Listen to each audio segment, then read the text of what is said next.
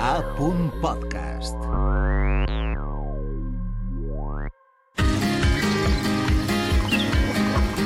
Ben i parlem, un podcast per aprendre valencià amb Aina Monferrer.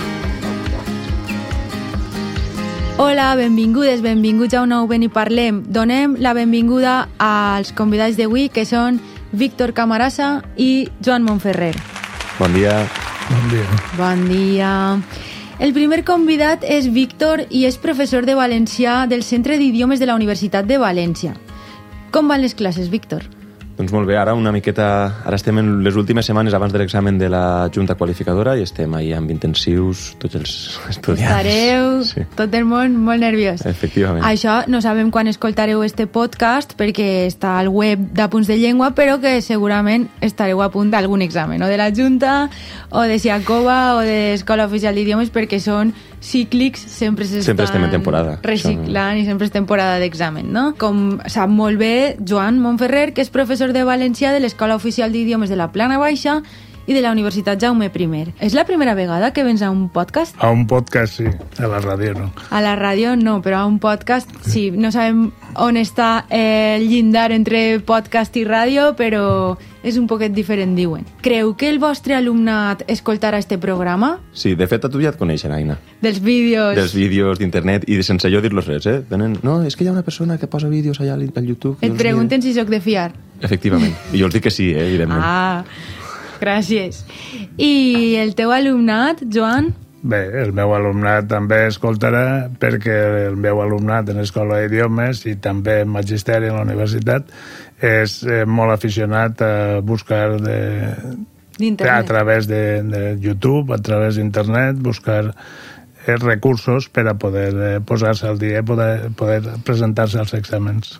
Per a l'autoaprenentatge. De quins nivells són els vostres alumnes, Víctor? Jo ara estic, sobretot, en C1 i C2. Molt bé, És- doncs coincidiríem, no? Perquè Joan I C2 i alumnat de Magisteri, i alumnat de magisteri, que quin nivell sol tindre més o menys? cap al seu. Cap al seu... D'acord, doncs fem una, una mica de conversa sobre l'expressió oral, perquè este podcast d'avui de Ben i Parlem el centrem en l'expressió oral, com ensenyar-la. Víctor, quins consells dones als teus alumnes a l'hora de preparar l'expressió oral? Sobretot, jo crec que el més important en- qualsevol expressió és pensar molt bé abans què diràs i pensar quina serà la teva conclusió. Aleshores, a partir d'això, conduir el discurs perquè tinga un sentit, perquè si no fan com un metrònom i van d'una banda a una altra sense tindre molt de trellat. Aleshores, si saps on vas, pots fer un discurs molt més ben planificat. Molt interessant, Joan. En el meu cas, eh, tracta de que trenquen una miqueta el, el ritme de l'espontaneïtat, també en el mateix sentit que eh, normalment un text oral també és planificat i per tant també necessita una organització, un, un inici, un desenvolupament i una conclusió. Per tant, cal preparar-ho, cal fer-se un esquema, cal parlar... El famós de esborrany. Manera, clar, I fer-lo de manera més, més sistemàtica. Aleshores, considereu que l'esborrany és un bon hàbit per a l'expressió oral, per a preparar-se-la? Imprescindible. Sempre. Imprescindible. Què els dieu als alumnes que preparen massa massa l'esborrany de manera que pareix que estiguen llegint, Víctor? Que parlen, que parlen, perquè si, si estan llegint un esborrany, això és fatal, no s'entén absolutament res, i el que han de fer és guanyar naturalitat, parlar en el seu dia a dia. El que s'espera d'una prova oral és, és que sigui un oral que sembla espontani. Per tant, si tu el que fas és, és elaborar-lo, escriure'l, això perd tota la, la, la genuïnitat frescor. i la frescor de, del discurs oral. D'acord. Un minut abans de començar la prova, quin consell donaríeu al candidat? Víctor? No sabria què dir. Ja està tot perdut, ja està tot el peix venut. Efectivament, que ara, ara ja tranquil i concentrar-se en expressar des de dins, en no llevar-se moltes coses que es posen al cap, que comencen a, a, a emboirar-se, desemboirar tot el cap i simplement expressar la seva opinió sobre un tema. Ja està. Evitar el monitoratge i fluir. Efectivament.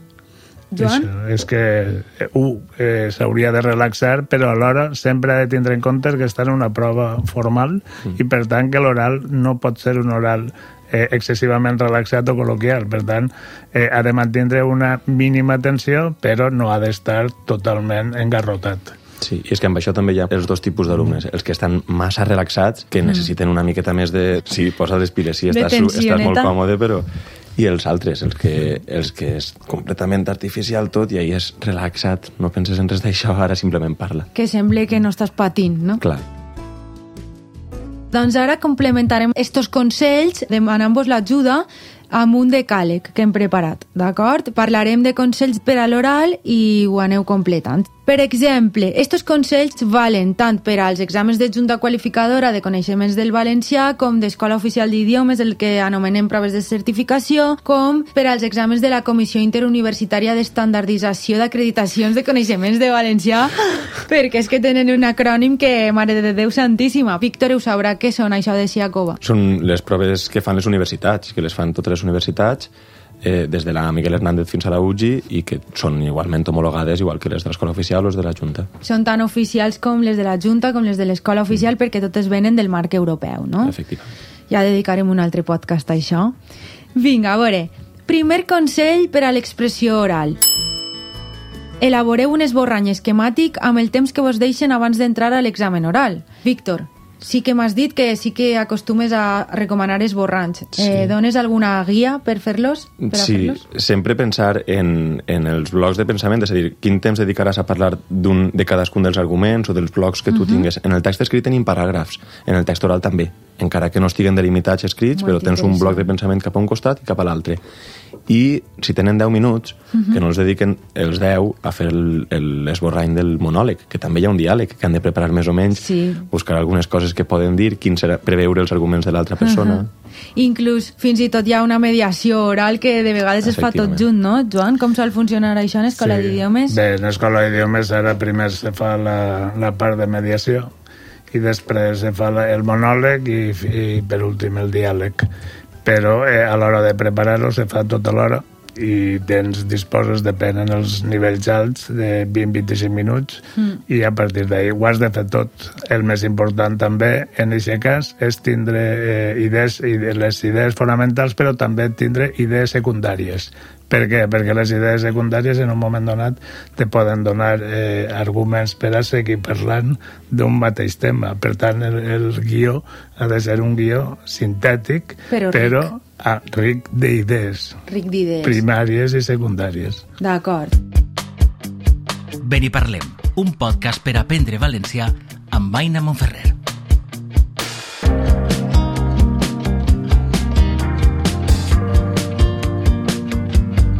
Fixeu-vos ara en el, en el segon consell a veure què opineu.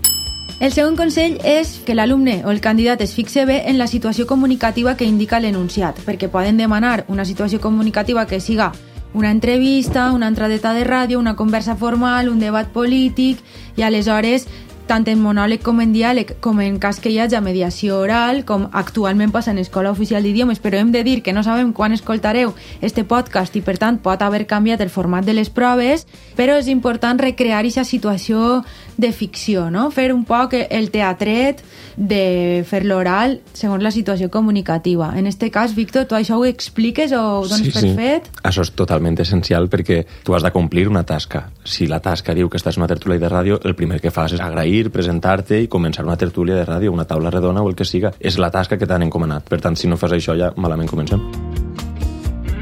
Tercer consell. Feu servir la llengua estàndard, és a dir, eviteu tant els col·loquialismes com les fórmules massa rebuscades. Joan, això com ho expliques, això de la llengua estàndard? Bé, la llengua estàndard és... Eh, treballem a partir de situacions formals. Per tant, eh, ningú parla de la mateixa manera una situació formal i una informal. De vegades hi ha alguna contradicció en les proves i és que eh, se, se recreen situacions eh, informals però l'examen és un context formal. Per tant, cal fer servir estructures o expressions que siguen correctes, que no siguen excessivament formals, però que siguen genuïnes sempre que siguen genuïnes dins de, del nivell de formalitat segons la situació comunicativa. I no caure en el parany que si vos estan demanant eh, una nota d'àudio de WhatsApp no fer-ho massa col·loquial, sinó amb un estàndard que no baixe a la col·loquialitat. Vinga, aleshores, en aquest cas també és important un truc que pot ser imitar un periodista o imitar el vostre professor de valencià, no? que és un model de llengua eh, estàndard, o un polític que faci un bon discurs polític, pot haver de tot.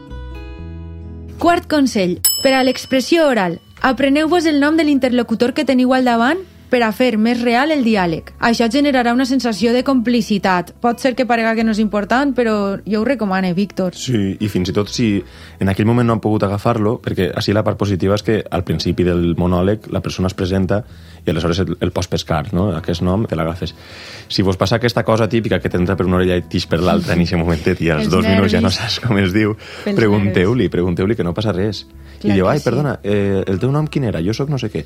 Això farà que la conversa siga molt més fluida, estareu Mm. més còmodes sense saber-ho. Sí, connectareu. Consell número 5. Porteu un rellotge normalet. No podreu mirar ni el mòbil ni rellotges molt intel·ligents que puguen oferir altra informació, com una xulla 3.0, i si us quedeu curts de temps, pot ser que els examinadors no vos diguen que parleu més i aleshores que la tasca siga insuficient.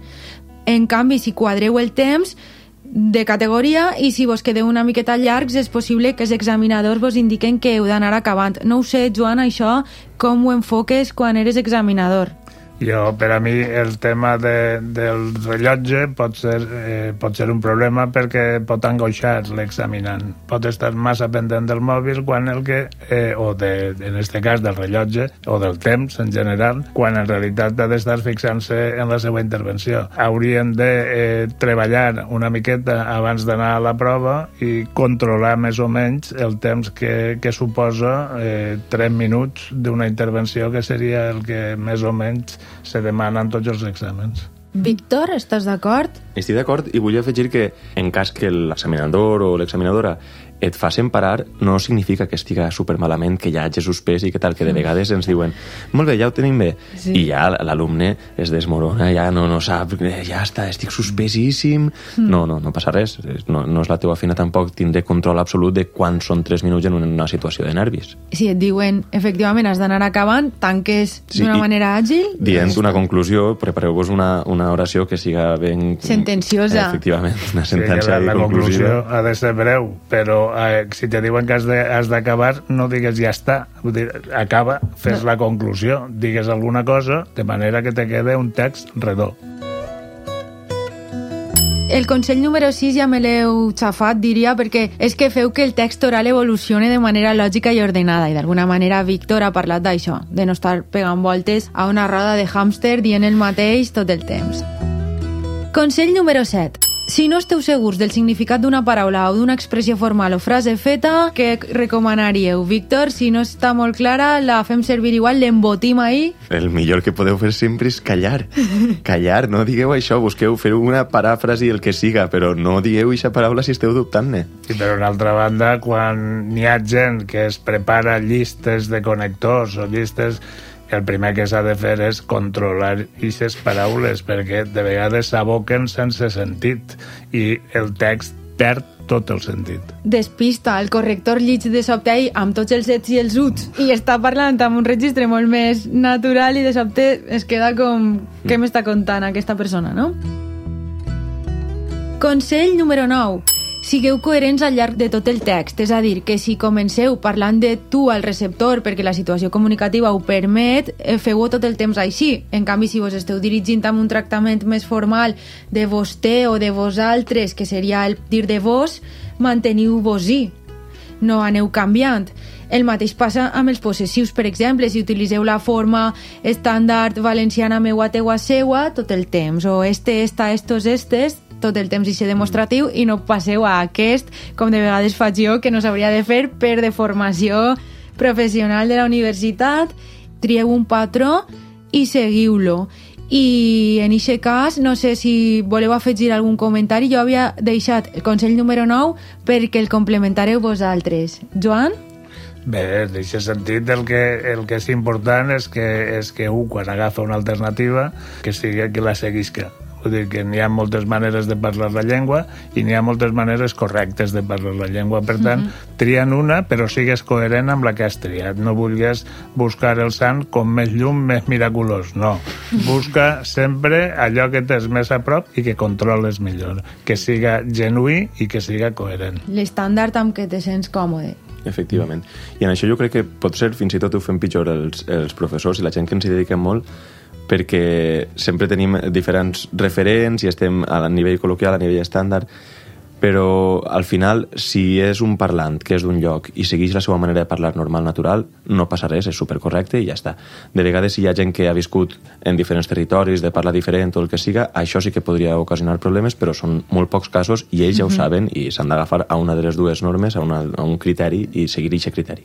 Correcte, ras i curt. Si veniu de Barcelona i esteu acostumats a un estàndard de llengua oriental, no passa res. Igualment podeu vindre així a fer una prova de C1, de C2, de B2 amb el vostre model de llengua estàndard, evitant col·loquialismes de la vostra zona. Molt bé, doncs ara passem a jugar. Ben i parlem, un podcast per aprendre valencià amb Aina Monferrer. Ara canvieu de rols i vos poseu en la pell d'una persona que s'examina d'una expressió oral, però ho farem més sintètic perquè no tenim tant de temps. L'única diferència és que, com que sou professionals, vos farem la cameta. I vos posarem un extra de dificultat. Encara més difícil. Heu de parlar d'un tema, però evitant certes paraules, com si fora un joc del tabú. Teniu cadascú un minut. Aleshores, comencem per Víctor. Vinga. Eh, Conta'ns, Víctor, en un minut aproximat, què és la intel·ligència artificial, però no pots utilitzar ni la paraula robot, ni la paraula ordinador, ni la paraula informàtica. La intel·ligència artificial és el contrari de la intel·ligència natural. Eh, és una manera virtual que simula la manera d'interactuar que tenim els humans i sobretot la manera de pensar i d'arribar a conclusions i de treure idees que funciona dins el cervell humà.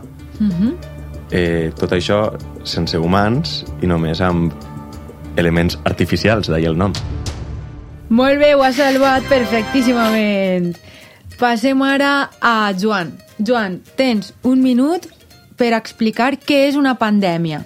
I no pots utilitzar ni el mot virus, ni el mot Covid, ni el mot vacuna. Estàs preparat? Quan vulguis. Bé, una pandèmia és una malaltia que se generalitza i que afecta a molta gent. Per tant, quan aquesta malaltia eh, s'escampa i arriba a un nombre de, de persones molt significatiu que està determinat per, per, la, per la medicina, eh, es, es diu que, que és pandèmia i per tant s'ha de tractar. S'ha de tractar de, de manera social, col·lectiva, per a tota, de totes les, eh, bé, en principi, territoris a on afecta la pandèmia i això va escampant-se. Fins així. Suficient. Vinga, passem ara mm, a Víctor i ens ha de parlar en un minut del que és turismofòbia sense utilitzar hotel, ni creuer, ni pis turístic. La turismofòbia és el rebuig a les persones que eh, visiten una, un lloc, generalment una ciutat, però també espais naturals, i no tenen cura del seu entorn, aleshores la gent que sí que hi viu, que no està de manera temporal, eh, té reticències a, a aquestes visites, no? a, aquesta, a aquestes persones que estan de pas. Perfecte. I ara, la mateixa li la fem a Joan. Turismofòbia. Com ho explicaries? Sense dir hotel, cre ni creuer, ni pis turístic? Bé, la turismofòbia és la fòbia al turista, és a dir, eh, per definició, eh, la gent que viu en, en els pobles i les ciutats Crec que ha guanyat Víctor perquè has dit turista i pis turístic, això, ja, ja, ja, ja. Bueno, bueno, hauríem bueno, de treure així ho el reglament, el reglament. Però el guanyador ha sigut Víctor, encara que així som, no som competitius, som co cooperatius i, per tant, doncs, tots bé. Fins així ha arribat el programa de Beni Parlem d'avui. Esperem haver-vos entretingut i que hàgiu après amb nosaltres, amb Víctor, amb Joan. Abans de tancar vos oferim una reflexioneta sobre l'aprenentatge de llengües. Sempre estem aprenent llengües, ja que tota activitat humana la fem amb mediació de la comunicació verbal. Però, com diuen Anna Camps, de la Universitat Autònoma de Barcelona, o Carmen Rodríguez, de la Universitat de València, quan estem concretament estudiant la gramàtica del valencià, de l'anglès, del francès, de la llengua que siga, estem duent a terme un exercici de doble abstracció que implica un esforç cognitiu molt important. Això és Pensar sobre la llengua resulta molt pesat per a la ment, sobretot quan no controlem en profunditat la llengua sobre la qual estem pensant de manera abstracta, gramatical. Per això, podem donar permís als alumnes, per exemple, de nivells bàsics o intermedis, per a pensar de la gramàtica del valencià en les seues llengües familiars. No forçar-los a fer-ho en la llengua que estan aprenent, ni l'anglès ni el valencià, perquè encara no la controlen bé i podria ser improductiu.